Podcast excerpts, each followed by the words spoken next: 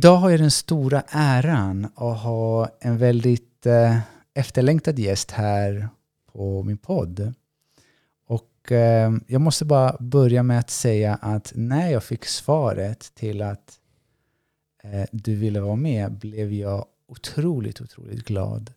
Så jag ska avslöja vem det är och det är ingen mindre än Thomas Di Leva. Välkommen. Tack så mycket. Kul att vara här, Diamantis. Ja. Det är jättekul att få vara här med dig. Det var verkligen så att när jag bara när jag, första tanken av att vilja bjuda in dig, det bara, jag bara fylldes av värme. Tack. Ja, och hopp om att du skulle tacka ja. Mm. Så jag blev jätteglad.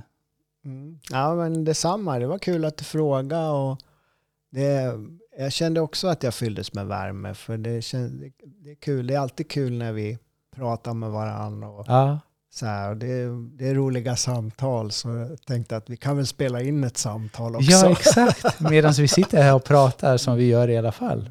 Mm. Så kan vi dela med det också. Mm.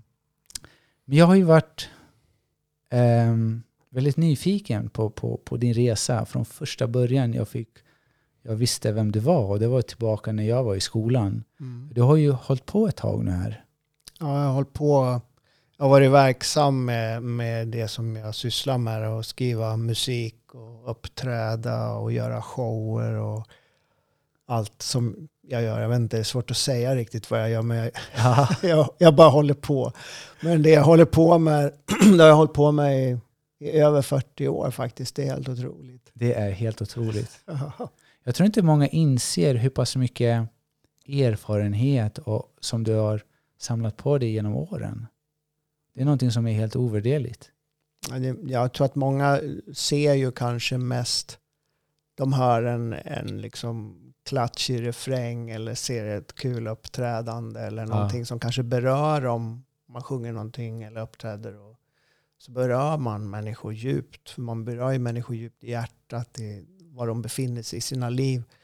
Eller också kanske de ser någon intervju och så, ja men det där var bra sagt kanske de tänker, om man har tur. Ja. Och, eh, men sen kanske de inte tänker mer på det. Men, eh, men det, det är ju det är ju en lång, lång resa och, och, och göra den resa som jag har gjort. Det är ingen kort resa utan Exakt. det är en resa där man heller inte får någonting gratis utan Ja. där man från början behöver liksom tänka på varje steg. För det är lätt liksom att... Det är som att gå på lina mellan två höghus lite grann. Okej. Berätta, det där, det där lät väldigt intressant faktiskt. Vad har varit genom åren då din största utmaning? Jag tycker den stora utmaningen med det som jag gör är att eh, vi människor, vi, vi vill ju ha underhållning. Vi vill ha kul när vi liksom är lediga eller så här, vill lyssna på musik, titta på tv, gå på något kulturellt event så vill vi att det ska vara kul och att det ska ge oss en kick. Men så, det tycker jag är fantastiskt. Men jag vill ju också på något sätt förmedla någonting i det. Utan att det ska bli tråkigt eller att det ska bli för svårt att ta till sig. Utan jag vill, jag vill ju på något sätt känna att när konserten till exempel, om man gör en konsert, om den är klar ska människor gå därifrån och känna sig inspirerade. Känna att de har fått näring till sina drömmar. Ja. Eh, och att de eh, känner att det finns hopp. Och att de gärna får lite extra energi med sig också när de går hem. Och det, det kan ju vara en utmaning. För jag menar, det är, jag, till skillnad, jag menar du, du sysslar ju med, med, med örtmedicin och akupunktur och sådana saker. Så det, det är ju mer hands-on. Ja. Men det som jag pysslar med ju, ligger ju mer i, i, från drömsfären och ner Ja. i verkligheten. Och det, det, där, där kan det vara lite... Det, är, många springande punkter att ta hänsyn till. Jag förstår det. Nu, det vackra är att de antika eh, symbolerna för medicin innefattade också karaktärerna för musik. Så antik medicin, om vi ser gammal kinesisk medicin. Det, det, man förstod också att musik var också en del utav någons resa, mm. utav någons läkning. Mm. Um, och där eftersom du har ett budskap som du så fint förmedlar genom musiken. Hur, hur ser du när du står på konsert och, och du förmedlar? För det är någon form av kommunikation också. Mm. För det är någon form av energi som, eh, som växlas från dig och publiken. Mm. När du är på scen, när du är i din zone, hur känner du av den här energin? Och hur kan du styra den? För att innan det blir på det fysiska planet så har du en form av intention. Ja. Berätta lite, vad är det som händer? Och hur har du möjlighet till att kunna nå människans hjärta med det du gör? För att försöka förklara, förklara det på ett enkelt sätt så redan innan jag går in på konserten så jag mediterar ju ja. innan jag går in på konserten. Ja. Eh, så får jag till mig ungefär vad konserten ska handla om. Och så då brukar det styra ganska mycket vad jag gör för rörelse, vad jag säger mellan låtarna och vad jag, hur jag gör låtarna just den dagen. Eh, men sen ser jag också på scenen så får jag till mig hela tiden vad nästa steg ska bli. Okej. Okay. Så inte som en så här sak jag tänker ut, utan jag bara, det bara kommer in i mig att okej, okay, nu gör jag det och sen ska jag göra det. Så det, det, det mappas ut mm. Av sig själv hela tiden. Är det det man kallar för unfolding? Ja, att det, det, det är som att man är både utanför sig själv och i sig själv samtidigt. Mm. Så man ser allting utifrån samtidigt som man ser det inifrån. Ja. Och så ser man, så får man en ingivelse hela tiden vad nästa steg ska bli. Det är väl det som är inspiration och intuition. Jag förstår. det är ingenting man tänker ut, utan Nej. det, det, det, det här just med intention, det är ju väldigt intressant. Eller intuition. Ja. Intrusion. Det som är innan konserten, ja. där ger intuitionen en intention. Just det. Och på konserten så ger inspirationen en intuition hela tiden. Precis. Och just intention mm. är någonting väldigt intressant tycker jag. Mm. För det är inte någonting som, som du beskriver, om jag förstår det rätt, så passerar det det intellektuella. Mm. Du hinner inte bearbeta det innan det manifesteras, innan rörelsen tar form, innan det sker. Jag hinner bearbeta det på ett, på ett intellektuellt sätt, ja. men men det är ju en väldigt snabb beräkning. Det är, ju, det är ju liksom en eh, kvantumberäkning som går väldigt, väldigt fort. Ja. ja, det här är så intressant. Och är det här någonting som du känner med åren har blivit eh, starkare? Har du skapat utrymme till det mer och mera? Eh, och på vilket sätt har du arbetat med, med att bekanta dig med den här typen av, vad ska vi säga, flöde? Eh, det känns ju som att det blir starkare och starkare. Det är ingenting som försvagas utan det blir starkare och starkare mm. med åren.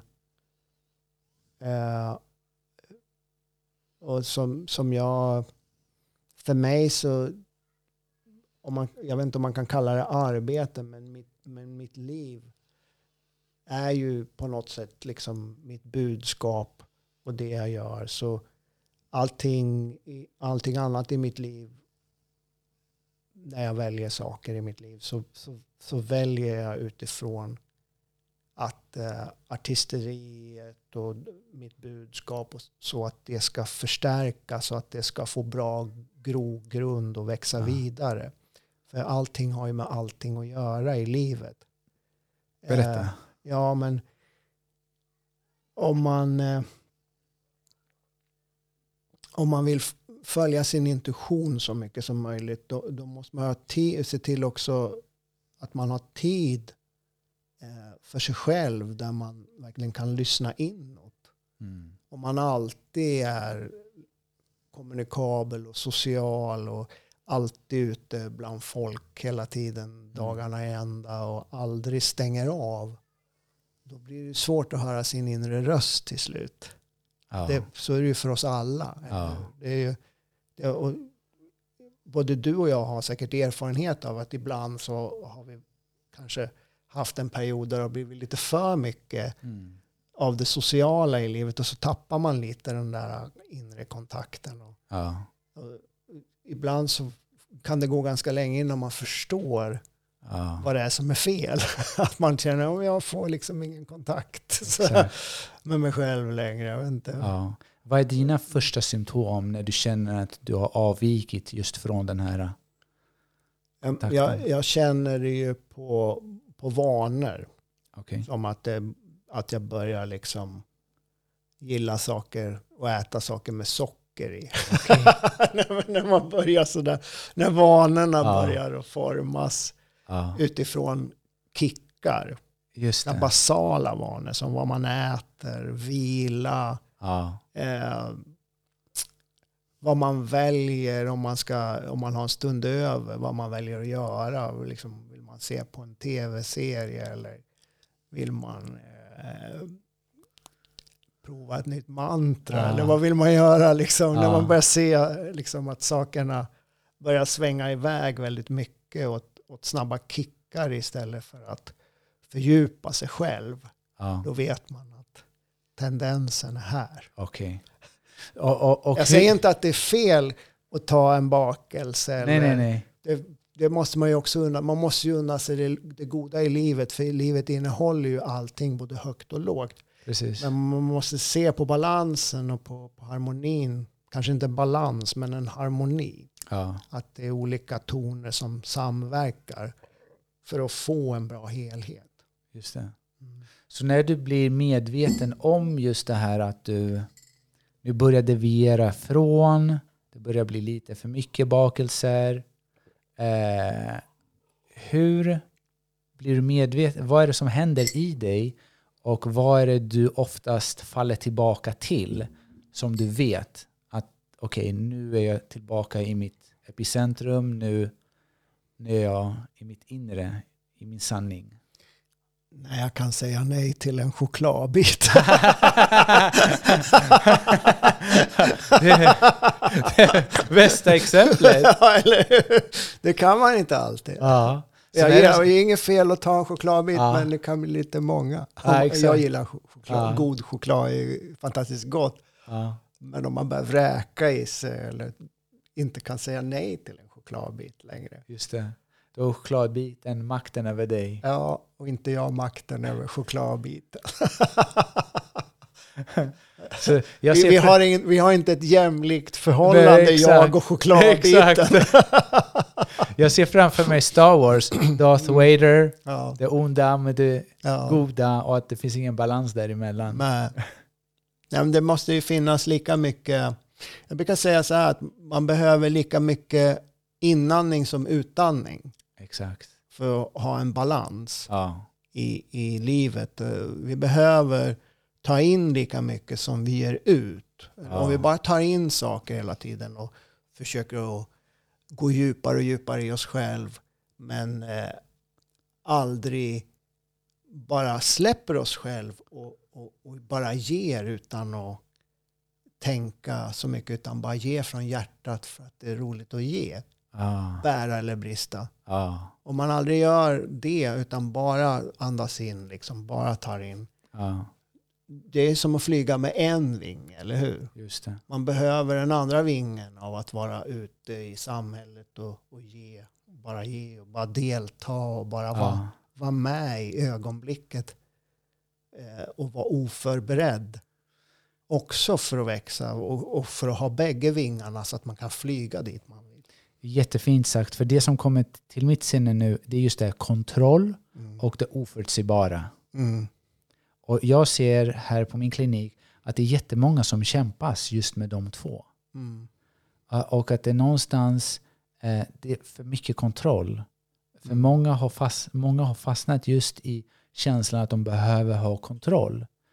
Och det är nästan som att det oförutsägbara, det okända, är så pass avlägset nu och det är nästan ett hot. Att de inte tillåter sig själva falla tillbaka, slappna av och se vad livet har att erbjuda. Mm. Vad är dina tips och dina råd just för personer som har just fastnat i det här kontroll, det dagliga, det de känner till dag ut och dag in. Det är samma, samma, samma. Trots att symptomen och vad hjärtat egentligen säger är någonting, någonting annat.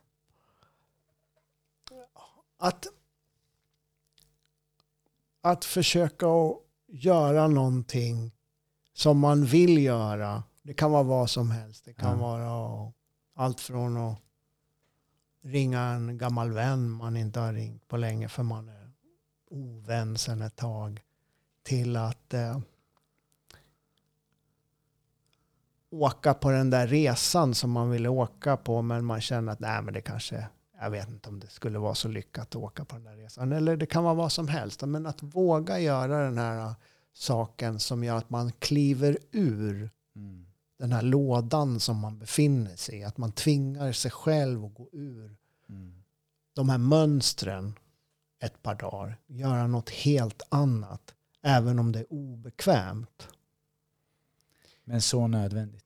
Det är väldigt nödvändigt att göra det. det är all, vi måste alla göra det ibland. ibland. Jag behöver göra det, du behöver göra det. Ja. Vi, vi måste komma ur vår lilla låda ibland för att kunna se oss själv på nytt. Fint sagt.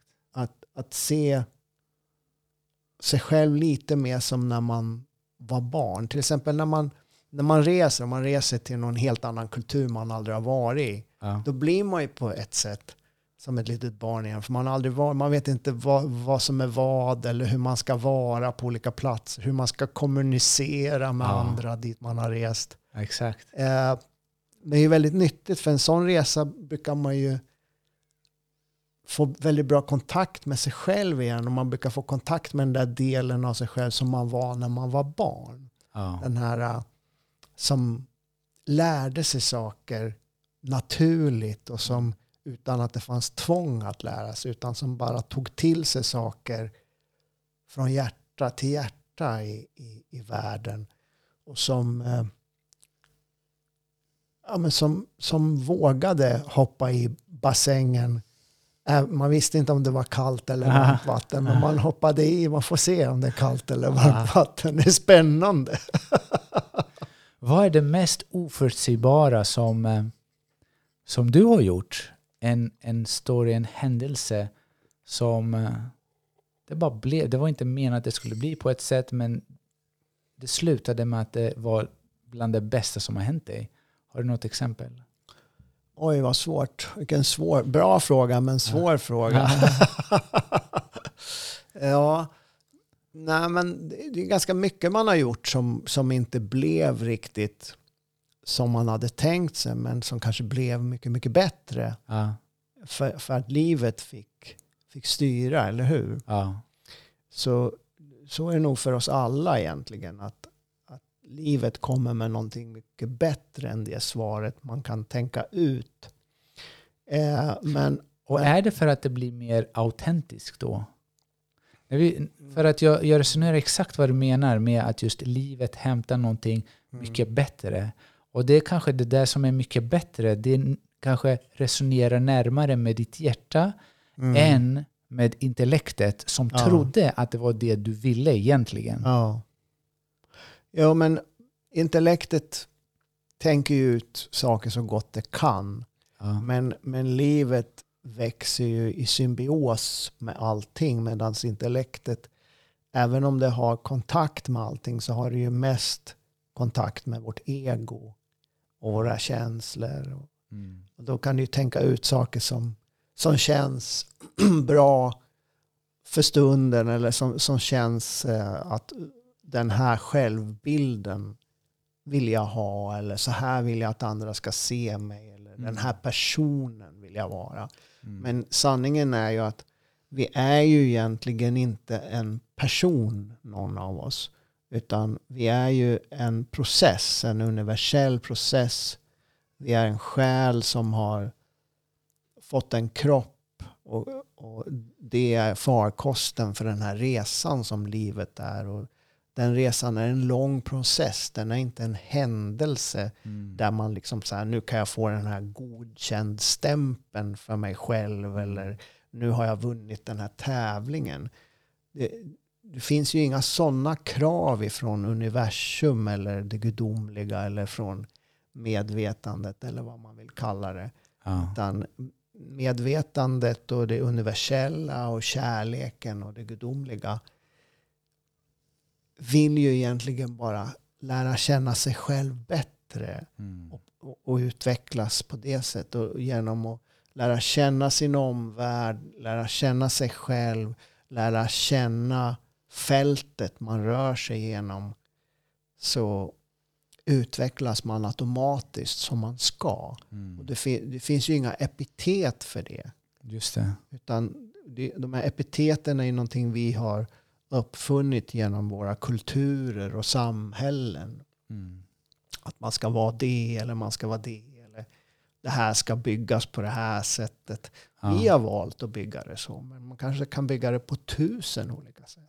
Eller ännu fler. Ja. När jag växte upp och vi var i Grekland på somrarna, när, man, när någonting tragiskt hände så brukar de säga att ah, men det var skrivet, att det är så det skulle ske. Mm. Och jag hade jättesvårt att greppa på just vad då skrivet, att det var meningen. Att det, så här, det är ju tragiskt att det, vad som hände. Om det var ett Mm. dödsfall, om det var en olycka, vad det nu än var. Mm. Men å samma sida när man ser att någonting dåligt kan hända. Nu förstår jag att det till och med kan ske någonting bra. När man säger, och man kan applicera det på samma sätt. Mm. Och senare tid, och ifall jag förstår det rätt, då är det just det här äh, med den här kosmiska rytmen, när man är i mer symbios med den Mm. och, och tillåter den vägleda dig, Mm. då är det nästan oundvikligt att du kommer hamna på en plats i livet där det är menar att du ska hamna Mm. och, och formas och manifestera din inre kreativitet på det unika sätt som just du gör. Mm. Jag hade ju aldrig några planer på egentligen, jag skulle ju vara basketspelare. Kolla, jag är så långt från basket. Det bara går. Ja. Jag hamnade i Kina och läste om daoistisk filosofi och, och, och kände att jag hittade hem. Mm. Och det, det är just det här som är så lustigt. Hur livet kan ta sådana drastiska och dramatiska svängar. Mm. Men det känns som att du, var det så att du hittade just musiken och sättet att uttrycka dig, för du säger nu 40 år. Ja. Ja, när jag var tonåring så. eh, Redan när jag var yngre så då var jag ganska blyg. Jag, jag var väldigt blyg när jag var typ tre, fyra, fem år. Ja. Eh, så jag gick typ och gömde mig under borden när det kom gäster hem i hemmet och sådär för jag var så himla blyg. Ja. Men jag satt jämt och ritade och sådär för jag hade liksom min fantasi där. Ah. eh, i att jag satt och ritade teckningar hela tiden och tyckte det var så himla roligt. Jag brukar ofta rita att jag uppträdde på en scen. Men jag var ju alldeles för blyg för det egentligen. Liksom. så det kom så här när jag blev 11-12 år som jag tog liksom mod till mig och började försöka spela gitarr. Och Ja. jag kommer ihåg att jag, jag kom hem en dag och sa att jag ville få en elgitarr. Då sa familjen vid middagsbordet att de tyvärr inte hade råd med det just nu. Och då kommer jag ihåg att jag började störtgråta och sa ja men vi får lösa det här på något sätt. sa de. Och så fick jag en elgitarr för 275 kronor som jag kopplade in till, till en radioapparat och spelade på. det, var, det var så det började. Vad intressant. Ja. Och skulle du säga att du är, är en talang? Mm. Hur mycket talang och hur pass mycket hårt har du arbetat i, i, i din, eh, som artist? Oj, det var en väldigt svår fråga. Eh, hur mycket talang och hur mycket hårt arbete? Jag skulle säga att det är väl eh, lika mycket kanske. För någonstans så det är väl 50-50. För även om man har en, en talang för någonting, att man har det medfött, att det kommer från en annan inkarnation. Mm. Så även ödet kan ju liksom rinna en ur händerna Mm. som sand som rinner ur händerna om man inte tar tag i sin situation. Ja. Så man behöver ju också ha en vilja av stål. Man behöver gå den där extra milen Ja. för att saker ska förverkligas. Jag- Alltså, det, det finns så många i min omgivning som jag sett från att jag var barn till fram till idag Ja. som är så otroligt begåvade och har varit otroligt begåvade Ja. personer på så många sätt. Men de har fallit ifrån sina drömmar på grund av att de inte går den där extra milen. Mm. Och det tror jag att jag förstod ganska tidigt att det går kanske inte på en vecka att förverkliga saker. Och man kommer att möta på massor med, med motstånd under vägen om man ska förverkliga sin vision i livet eller sin, Ja. sin dröm. Och ju större dröm, ju större vision man har, desto mer motstånd kanske man stöter på. Mm. Eh, för att universum vill pröva en. Mm.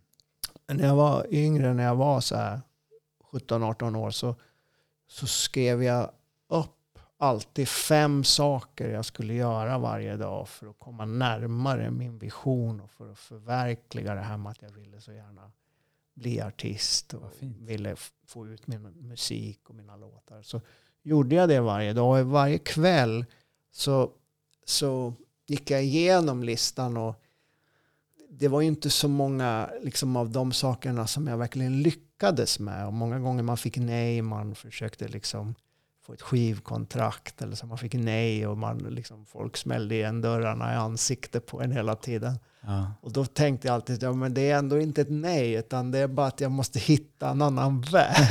så jag bara skrev upp fem saker till. Och så fortsatte jag så. Liksom, jag höll på så i säkert två, tre år Ja. innan jag kom någonstans. Och vartifrån kom den här energin för, för att fortsätta? Det Därför att skulle jag visste att det var viktigt i mig själv och jag kunde inte förklara det för någon. Ah. Det, det är en kunskap ibland som man har. Ibland vet man att saker är viktigt men man kanske inte kan förklara varför det är så utan man vet med sig själv att det här är vad jag ska göra och när jag försökte göra något annat om jag försökte typ gå in på någon utbildning eller något sånt där då blev jag alltid sjuk så jag inte kunde fullfölja utbildningen. Okej. Så jag hamnade alltid tillbaks Ja. i samma spår igen. Ja. Och hade du då den, den kontakten med din inre sanning, fanns den redan då? Och tilliten till att till livet, till universum, att det är det här? Ja, det, det, jag kände att det fanns inget val. Just också när jag försökte välja något Ja. annat så blev jag ofta sjuk, liksom liggande med typ eh, halsfluss i två veckor eller inflammationer och Ja. penicillinkurer. Och, så jag hamnade tillbaks Då tittar du tiden. uppåt och säger okej förlåt, jag vet, jag förstår. Ja. Det var inte mer. Ja, jag, skulle, ja, inte igen. jag skriver upp fem saker till, jag lovar. Låt mig bli frisk bara. Exakt. Ja, vad fint. Vem fick du inspiration från hemifrån? Eller vem var det so- som gav dig utrymmet och, och lita på din intuition och på din inre sanning? Alltså, jag kände att det var...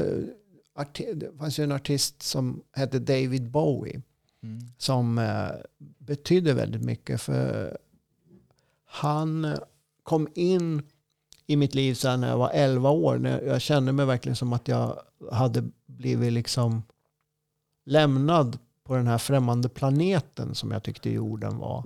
Okej. Och att jag kände mig nästan helt ensam. Ja. Eh, Jag hade väldigt lite förståelse för, för människosamhället när jag var 11 år. Okej. Alltså människor hade så att de gick till arbeten som de inte ville gå till. Att de krigade, liksom dödade varann och att, eh, att, man försö- att människor försökte bestämma över varann och sådana saker. Så när jag var 11 år jag tyckte det var fruktansvärt. Jag, jag, jag förstår det mer, alltså på ett, man förstår det mer som vuxen. Ja. Men jag måste ändå ge 11-åringen rätt. Ja. För 11-åringen har ju rätt. Ja. Det är helt sjukt egentligen. Ja. Men, eh, och, eh, men då, då fick jag att jag, jag var på stan med min, med min mamma och så kände jag att det var något som drog mig till ett skyltfönster på stan och där inne i, i, i affären så var det en skiva, en, ett albumomslag med David Bowie. Och då förstod jag direkt att wow, det finns en till innan jag ens hade Ah. hört David Bowies musik. En till som känner sig som att han kommer från en annan planet. Ah. Och så började jag lyssna på David Bowie och så kändes det som att jag fick väldigt bra guidning när jag kom in i tonåren så där med David Bowie. Att man hade någon så artist som man tyckte var liksom större än livet självt och som man kunde höra på texter och sådär Mm. som fick en att känna att jo, men man ska tro på sina drömmar och man får vara vem man vill vara. Ja.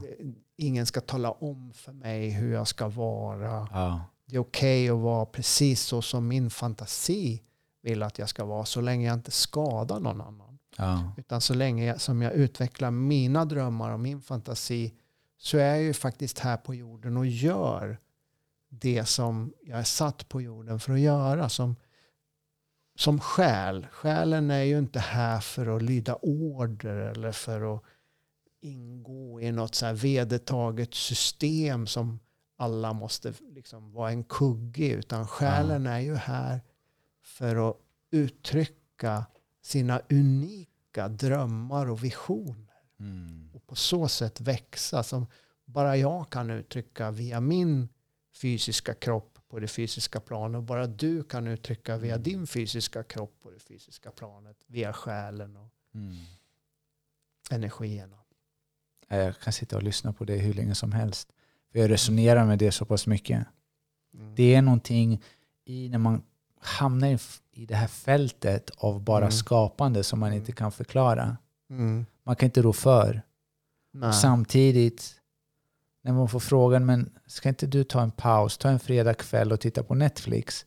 Då känns det som, som ett straff. Ja. Det är så här, om, om du vill låta mig, du vet, fortsätta min inre kreativitet, låt mig fortsätta göra mitt arbete. Mm. För det är inte ens arbete. Nej, det är inget arbete. Nej. När man hittar hem i det man är här och gör på planeten jorden. Ja. som själ så det är, det, går, det är ett liv man lever då. ja, Det är, det är mitt liv, det är inte mitt arbete. precis. Och definitivt inte jobb. Nej, jobb, det låter... Jobb kommer ifrån ordet jobbigt. Exakt. Eller hur? Så jobb liksom, det, det är liksom okej. Ja. Jobb, det betyder att det här är något jobbigt. Ja. Som straff som du Ja. måste bara stå ut med Ja. dag ut och dag in. Ja, så det, det, vi brukar skämta om det ibland så här. Eh, så här när mina medmusikanter och så här, när man är ute och spelar ibland så brukar man säga att ja men om allting, om allting liksom bara går åt helsike så kan vi alltid ta ett mackjobb. Ja, just det. Kallar det för mackjobb. Ja. Och, och min fråga till mina patienter är väldigt ofta, arbetar du eller jobbar du? Mm. Just för att se skillnad. Och många vet inte skillnaden. Ja. Det är, så här, är det någonting som kommer från scarcity, att jag måste göra det här Mm. trots min sanning och trots Mm. Det jag egentligen vill göra för att bara få en paycheck. Mm. Och ibland, jag kan säga själv, jag jobbade på Jula ja. när jag studerade till naprapat. Och jag visste att det här är någonting jag behöver göra för att komma till nästa steg. Mm. Och alla arbeten är värdiga arbeten och de behövs. ja, absolut. Men, men det är just det här, vad är din sanning? Mm. Och på vilket sätt kan du växa? Och det är klart att vi har utmaningar. Du har utmaningar, jag har utmaningar. Men vi växer genom dem. Det är inte Ja. problem som bryter ner oss. Nej. Jag, kom, eh, jag, jag själv eh, jag sorterade post på Tomteboda när jag var 19-20 år. Eh, Det var ett jobb. Ja. Det, det var, tyckte jag var Ja. ett jobb. Det var ju så långt ifrån Ja. vad jag, vad jag drömde om. Men jag behövde ju ha mat på bordet. Exakt. Så, Jag var, jag var runt 19. Jag var tvungen att ta ett eh, också postjobb. Delade ut Mm. posten. Mm. Tid- Tidningen var det. Jag delade Mm. ut tidningen. Och då var det, jag stannade kvar i Sverige under sommaren. Mm. Då fick jag låna grannens bil. För att de var nere i Grekland på semester. Okej. Och då fick jag låna den. Och min bror hade min pappas bil. Och vi var i samma po- eh, tidningsterminal, Mm. Låt oss säga. Vi åkte till Rinkeby klockan tre på morgonen. Och det kan jag nog säga med handen på hjärtat, det är det värsta som jag har gjort. För det var så långt ifrån min sanning. Mm. Jag, jag behöver mina åtta timmars sömn. Ja. Det är här, jag bryts, jag går sönder ifall jag inte får sova igenom natten. Mm. Och det är exakt vad det här gjorde. Mm. Jag visste inte om jag skulle sova innan eller efter. Och sen råkade jag ut för en liten olycka. Och då var det så här, det var, en, det var ett villaområde i Sundby. Så jag hade ganska tur för jag kunde bara sträcka ut armen från, från bilen och stoppa in tidningen i, brev, i, i den här lilla brevkorgen.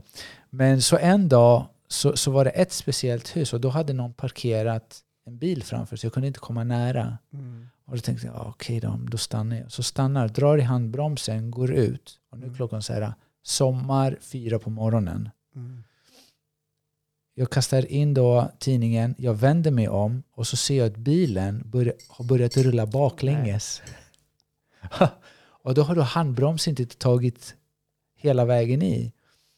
Och då springer jag, jag springer, jag springer om dörren och jag kastar mig in med huvudet före och trycker på bromsen med handen. Tyvärr så har längst, kanten längst ut på dörren har tagit i ett släp. Åh nej. Och jag hör hur dörren bara viker sig uppåt. Bara, att den viker sig uppåt och då var det så här. Åh nej. Och, och eh, jag kommer ihåg den stunden för det var verkligen så här eh, desperation. Eh, jag bara ville ha ett break från alltihopa. Mm. Så ja, det var min sista. Nej, det var, all, det var inte min sista dag för att vi tryckte in dörren men vi kunde inte låsa den. Okej. Så när vi parkerade på kvällarna eller på dagarna då parkerade vi så pass nära bilarna, min brors och min, eller den jag körde, så att man inte kunde komma in. Och så höll jag på så här kanske i tio dagar till. Sen var jag klar med det där. Så gick alla pengarna åt och fixade dörren. Ja, jag vet. Ja, så kan det vara. Jag har Ja. också råkat ut för det där att, att bilarna börjar rulla för det? en backe. Men jag hade mer tur än det att jag inte fick någon skada. Men jag, man fick slänga sig in i, Ja, verkligen. i bilen och Ja. liksom bromsa. Ja. Det, det är verkligen otäckt. Men nu, nu i efterhand så kan man ju sitta och titta och, och tänka och skratta åt det. Men just då så var det Nej, det verkligen utmanande. Ja, Det verkligen. kunde hända vad som helst. Ja. Men eh, återigen, jag, jag vill komma tillbaka till intuition. Och ifall... För att jag ser hos mina patienter hur långt ifrån vår intuition vi är. Mm. För dig, om du beskriver dina egna ord, vad är intuition? Det är flödet som, eh, som finns i, i, eh, i allting omkring oss. Så, så finns det ju det finns ju någonting som är det här är det, det, det mest gynnsamma som kan hända i varje situation man befinner sig i. Men Mm. man måste ju ha en tillit för att få det till sig. Man måste ha en tillit till sig själv och den situation man befinner sig i. Så för att nå till intuitionen så behöver man ju sin tillit Mm. intakt. Har man inte så mycket tillit så behöver man jobba med sin, eller arbeta med sin, inte jobba. Ja. har vi, vi tar bort det Det ordet. har varit... Man behöver arbeta lite med sin, med sin tillit. Eh, Ge exempel. Hur ja, men man... eh, att när man är i situationer som, som man är ovan, man kanske träffar någon, säg att man träffar en ovän eller man träffar någon som man har svårt för. Mm. för vi har ju alla sådana i våra livsöden och spektrum. Att istället för att gå in med rädsla eller brist, brist på liksom tillit, så gå in med den här tilliten att den här situationen, om jag har tillit till situationen så kan det, det bästa komma ur den här situationen. Mm. Att man förlåter varann eller man kan gå vidare utan att ha de här taggarna i sidorna. Ja, jag förstår. Vad man nu behöver göra för att lösa upp den här knuten Ja, i sitt liv. ja, För, för att kunna göra det så behöver man ha den här tilliten. Man behöver öva sig på, på tillit. Att, att förstå att det finns så mycket krafter omkring oss ja, som samverkar hela tiden. Att vi är inte isolerade en enda sekund i våra liv. Även när vi är ensamma mm. så är vi inte ensamma. Utan vi är tillsammans med alla energier i, i hela den kosmiska manifestationen som finns i evigheten. Och evigheten finns i varje ögonblick. Och när man vågar vara just i det här ögonblicket bara utifrån att man andas genom det här ögonblicket. Mm. Vad det än är för ögonblick. Om det är ett bra ögonblick, ett dåligt ögonblick i Mm. ens liv. Så man bara... Jag tar ett andetag bara Ja, och ser vad som kommer till mig. Det kommer säkert att ordna sig. Jag litar på universum. ja, Så brukar det komma de här ingivelserna ja, och de här möjligheterna som man helt plötsligt ser som kommer ur att man börjar med att vara i sig själv, i sin Ja. egen andning. Och då ökar tilliten och då kan intuitionens lampa börja lysa så småningom. just det. Att det blir på något vis också en positiv spiral. Mm. Att när man övar tilliten, det är väl övertygelsen om att det, all, det blir som det behöver bli. Ja, att det blir till, till det bästa. Ja, Eh, och även när man har ont eller man känner sig att man, man känner sig att det är svårt. ja, Så det är också en situation som det kan komma mycket styrka ur. Som universum kanske har gett den för att man ska lära sig något nytt.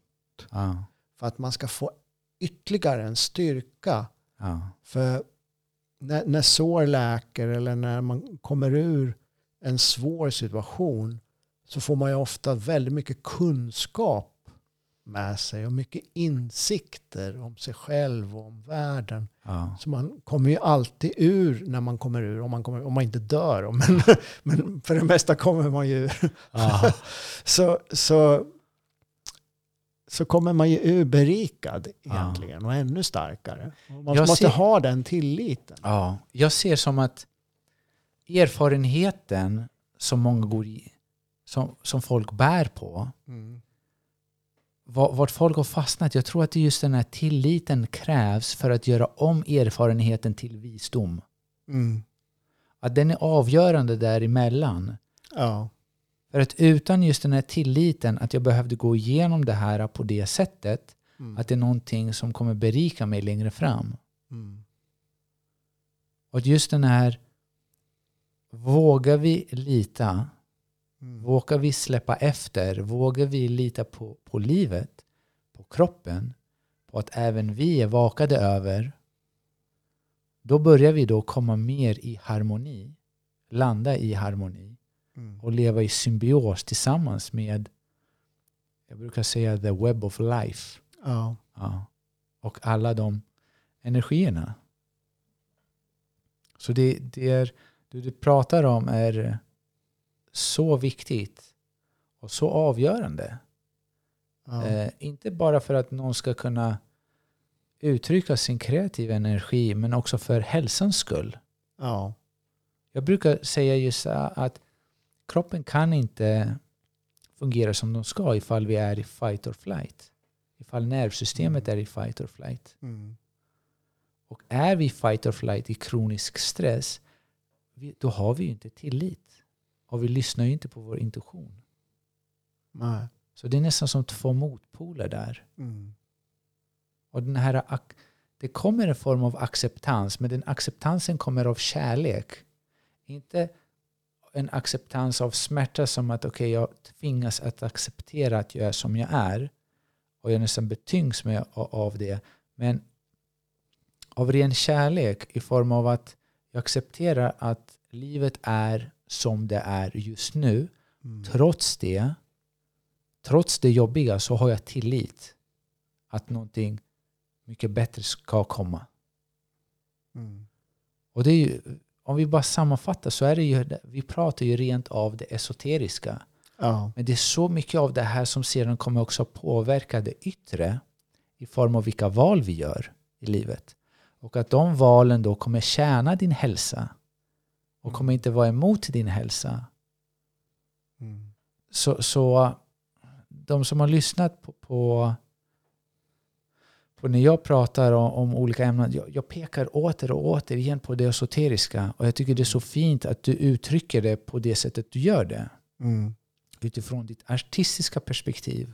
Mm. Och till slut så ser vi att det inte är så stor skillnad Nej. mellan ditt synsätt och det artistiska och det medicinska som, som jag jobbar med. Mm. Det är bara två olika verktyg. Exakt. Eller hur? All kunskap är ju bara verktyg. Exakt. Eh, visdomen är ju är evig, men den tar olika uttryck i olika tidsåldrar, Ja. genom olika verktyg, genom olika uttryck på alla. Det finns ingen, det finns ingen ände på Ja. hur vi kan uttrycka visdomen. Eh, det är därför som jag också tycker att vem man än är och vad man än gör här på jorden, vart man än är på väg, Ja. så är man ju, man är ju lika viktig som alla andra.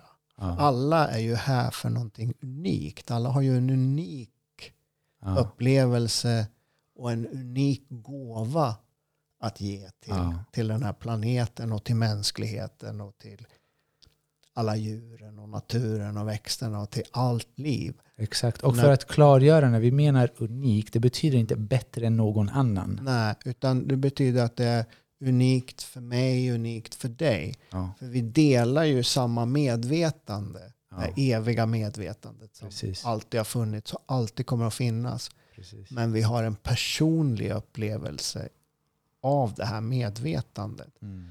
Och för att det här medvetandet ska vara så helt och så, så, så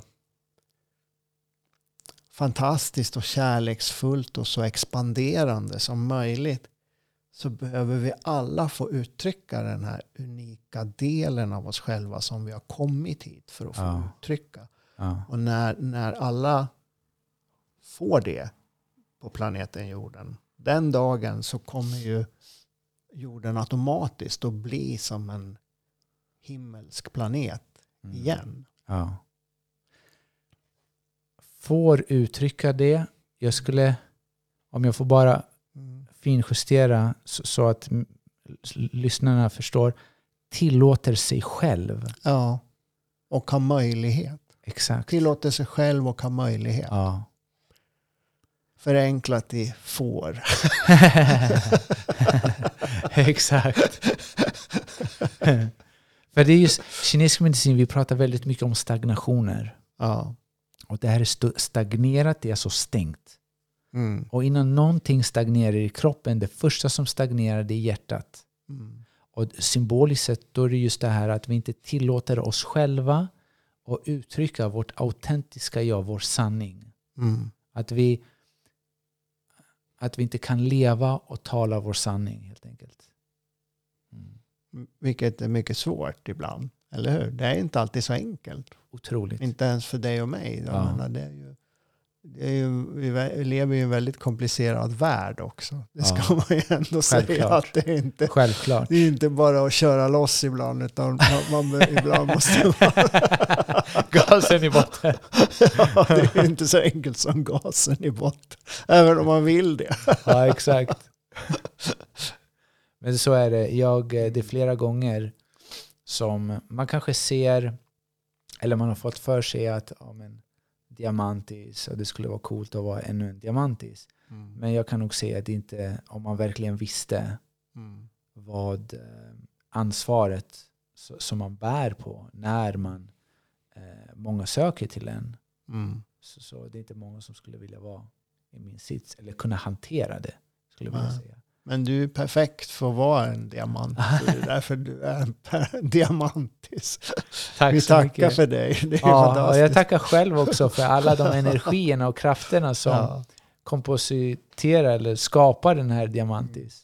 Mm. För att, eh, ja, tydligen så var det rätt formula på ett eller annat Ja, sätt. du har rätt uppsättning av kriterier. Och det, men det är ofta, det där sitter ju också i naturen, eller hur? Man, Ja, alla har sin natur. Man, man föds, man är inte bara en unik själ utan kroppens sammansättning ja, och eh, hur, hur allting funkar i det fysiska för en har ju blivit till redan liksom från att man blev till ja. till att man utvecklades i, i livmodern till att man föddes och de första tre, fyra åren också väldigt viktiga. ja, Och utveckla den person som man, som man blev. ja. Som har en viss natur och som har vissa egenskaper. Och, som gör att man känner att oh, den, oh, den där personen är så fantastisk. Eller Ja. oh, jag är så rädd för den där personen. Och så får Ja. man har utvecklats i naturen också. Ja. Det, det är något väldigt vackert med det. Det är en väldigt, liksom, både mystik och, och visdom tillsammans. Precis. Och det är så avgörande just den här unika kompositionen som alla är behövs. Mm. För att varje, varje unik komposition är en del av det här oändliga spektrumet av mänsklighet. Mm. Och det är det som skapar hela mänskligheten. Och åter tillbaka till att tillit till sin unika komposition av energi och inte försöka vara no- som någon annan. Mm. För att vi behöver allihopa. Även den, den, den som inte drar sig, jag ska inte säga är rädd för höjder, men den som är, håller sig lite mer jordnära och den som är mer adrenalin junkie och artisten och den analytiska personen och den försiktiga, Mm. oavsett vad det är. Vi behöver hela spektrumet Mm. utan att värdera baserat på prestationen eller vad som skapas. Ja. Så, så oavsett var någonstans i det här spektrumet du än befinner dig så tillit att du är avgörande för hela mänskligheten. ja, vi är alla avgörande i Ah. varje andetag. Exakt Faktiskt. så det är är helt det. otroligt. Men det är Ja. så. Ja, varenda, varenda liten del i det här pusslet som, som mänskligheten är, Ja, är ju oumbärlig. ja, Både de smärtsamma delarna och de fantastiska delarna. Och mm, allting är ju bara på det stora hela en, en väldigt stor rikedom och ett väldigt stort överflöd av ett kosmiskt kärleksflöde som ger oss oändliga möjligheter. precis. För just det finns en, det är en sån intim relation mellan leva sin sanning, tala sin sanning, intuition, kärlek. Allt det kommer från samma kärna. Mm. Och, och jag brukar se det som och försöka beskriva som ditt epicentrum. Mm. Och i energi så är det mer ditt feminina epicentrum. Vi säger yin och yang. Yin det feminina. Och det Mm. börjar från den energin och därefter det maskulina. Ja. För vad jag ser också ute i samhället är att det, det kommer ju främst kvinnor hit på kliniken och, Mm. och de, är, de har så fin feminin energi men tyvärr tvingats in till ett maskulint beteende. Mm. Till ett beteende som inte resonerar med deras hälsa, Mm. med, med deras sanning. Mm. Så det gläder mig att du är här idag och på ditt sätt förmedlar just om att hur avgörande det är att tillåta sig själv falla tillbaka till sin feminina epicentrum, till sin energi, till sin intuition, Mm. till sin sanning. Ja, och skapa någonting ur det man är. Ja, Istället för att försöka skapa någonting ur det man vill vara. fantastiskt. Exakt.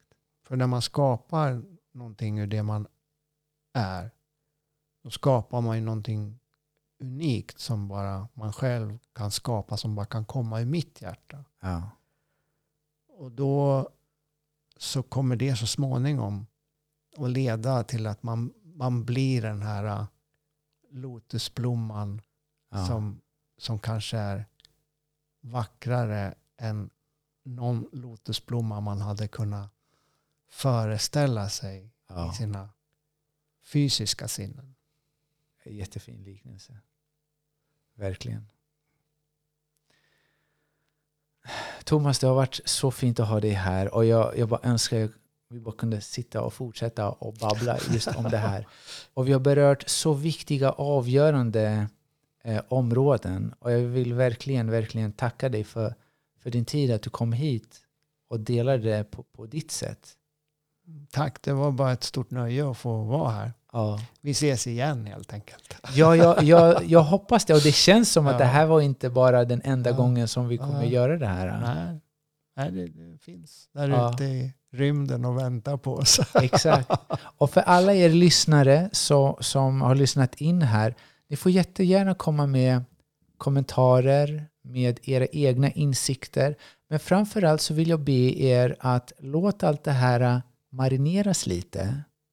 Och låt det vi pratade om bli er egna upplevelse. Innan ni säger okej men Thomas sa så eller Diamanti sa så. Prata som en egen eh, auktoritet utifrån sanningen.